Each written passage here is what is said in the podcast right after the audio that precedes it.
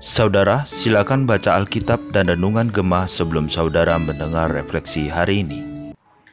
Shalom jemaat yang terkasih dalam Tuhan, kita sungguh bersyukur untuk hari ini kita boleh kembali akan merenungkan firman Tuhan. Mari kita masuk di dalam doa. Ya Tuhan, terima kasih kembali kami boleh belajar firman Tuhan, berkati dan tolong kami untuk dapat mengerti kebenaran-Mu. Dalam nama Tuhan Yesus kami berdoa, mohon pertolongan-Mu. Amin. Saudara, refleksi gema kita pada hari ini diambil dari Mazmur nomor 96. Kita tidak akan membaca secara menyeluruh bagian ini. Karena itu saudara, saya meminta supaya saudara membacanya sebaiknya sampai selesai. Saya hanya akan membaca beberapa bagian saja. Demikian firman Tuhan yang ada di dalam Mazmur 96 ayat yang pertama hingga ke-6, kemudian 11 sampai 13. Nyanyikanlah nyanyian baru bagi Tuhan, menyanyilah bagi Tuhan hai segenap bumi. Menyanyilah bagi Tuhan pujilah namanya, kabarkanlah keselamatan yang daripadanya dari hari ke hari. Ceritakanlah kemuliaannya di antara bangsa-bangsa dan perbuatan-perbuatannya yang ajaib di antara segala suku bangsa. Sebab Tuhan maha besar dan terpuji sangat. Ia lebih dahsyat daripada segala Allah. Sebab segala Allah bangsa-bangsa adalah hampa, tetapi Tuhanlah yang menjadikan langit. Keagungan dan semarak ada di hadapannya kekuatan dan kehormatan ada di tempat kudusnya. Biarlah langit bersuka cita dan bumi bersorak-sorai. Biarlah gemuruh laut serta isinya. Biarlah beria-ria padang dan segala yang di atasnya. Maka segala pohon di hutan bersorak-sorai di hadapan Tuhan sebab ia datang, sebab ia datang untuk menghakimi bumi. Ia akan menghakimi dunia dengan keadilan dan bangsa-bangsa dengan kesetiaannya. Saudara-saudara Mazmur 96 yang barusan tadi kita baca saudara adalah Mazmur yang dinyanyikan oleh bangsa Israel ketika bangsa Israel membawa tabut perjanjian untuk memasuki kota Yerusalem. Nah saudara tabut perjanjian ini merupakan tanda kehadiran Allah di tengah-tengah umatnya.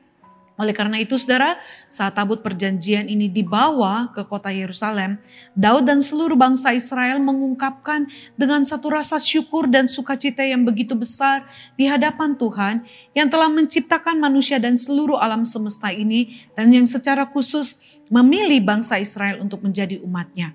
Oleh sebab itu saudara Mazmur 96 adalah merupakan ajakan kepada umat Allah bahkan seluruh uh, manusia yang ada di muka bumi ini, bahkan seluruh ciptaan, untuk apa? Untuk menyanyi bagi Tuhan. Ajakan ini saudara bukan sekedar ajakan tanpa makna, tetapi ini merupakan ajakan untuk apa saudara? Untuk menggambarkan atau menyiratkan bahwa hanya Tuhan satu-satunya yang layak untuk dipuji dan ditinggikan dalam ayat 4 sampai 7 dengan jelas Saudara kita bisa melihat bagaimana Daud mengemukakan Saudara atau Daud menjelaskan perbedaan yang begitu jelas, yang begitu kontras antara Tuhan dengan segala Allah. Di dalam bagian ini Daud mengatakan bahwa Tuhan itu lebih dahsyat dari segala Allah.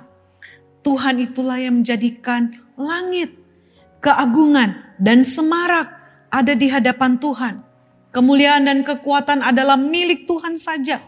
Semua kelebihan Tuhan adalah sudah selayaknya diresponi oleh umat Tuhan dengan sikap tunduk dan penyembahan hanya kepada Tuhan Sang Pencipta itu. Nah karena itu saudara, pengagungan dalam Mazmur ini merupakan sumber inspirasi atau yang dapat menjadi landasan dasar bagi umat Allah untuk mengagungkan Tuhan. Namun sayangnya kita melihat kenyataannya umat Tuhan atau semua bangsa tidak sungguh-sungguh mencari dan menyembah Tuhan. Melainkan kita melihat cenderungnya adalah melawan Tuhan, uh, memberontak terhadap Tuhan, bersikap tegar tengkuk terhadap Tuhan gitu ya. Padahal Tuhanlah yang telah menciptakan alam semesta, bahkan yang memelihara kehidupan seluruh manusia yang ada di dalam dunia ini. Oleh karena itu saudara, Mazmur 96 ini ditutup dengan perkataan bahwa Tuhan akan menghakimi dunia dengan keadilan dan kesetiaannya. Itu semua akibat dari perbuatan manusia yang memberontak kepada dia. Perkataan Tuhan ini mau menunjukkan bahwa Tuhan meminta pertanggungjawaban atas manusia, atas cara hidup yang tidak memuliakan Tuhan, yang justru sering kali melawan Tuhan. Padahal Tuhan sudah memberkati, memelihara kehidupan semua umat Tuhan.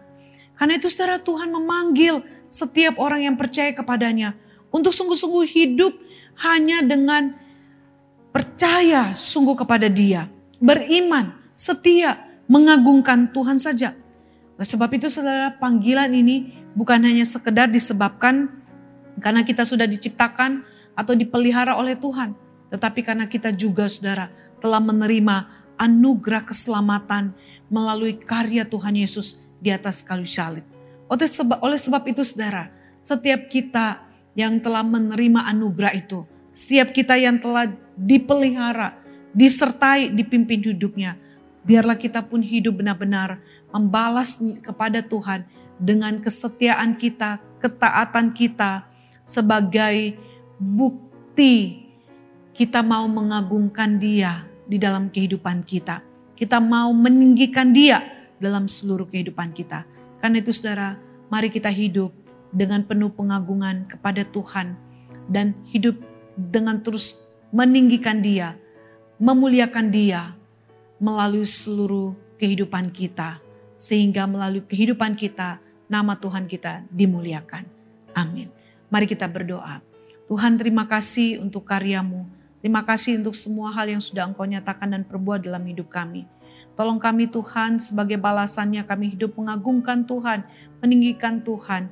Sehingga melalui kehidupan kami yang mengagungkan dan meninggikan Tuhan di dalam ketatan dan kesetiaan kami, orang lain dapat melihat Tuhan dalam hidup kami. Karena itu tolong kami Tuhan. Dan kami bersyukur untuk firman-Mu pada hari ini. Dalam nama Tuhan Yesus kami berdoa. Amin. Demikian refleksi gemak kita, Tuhan Yesus memberkati saudara sekalian.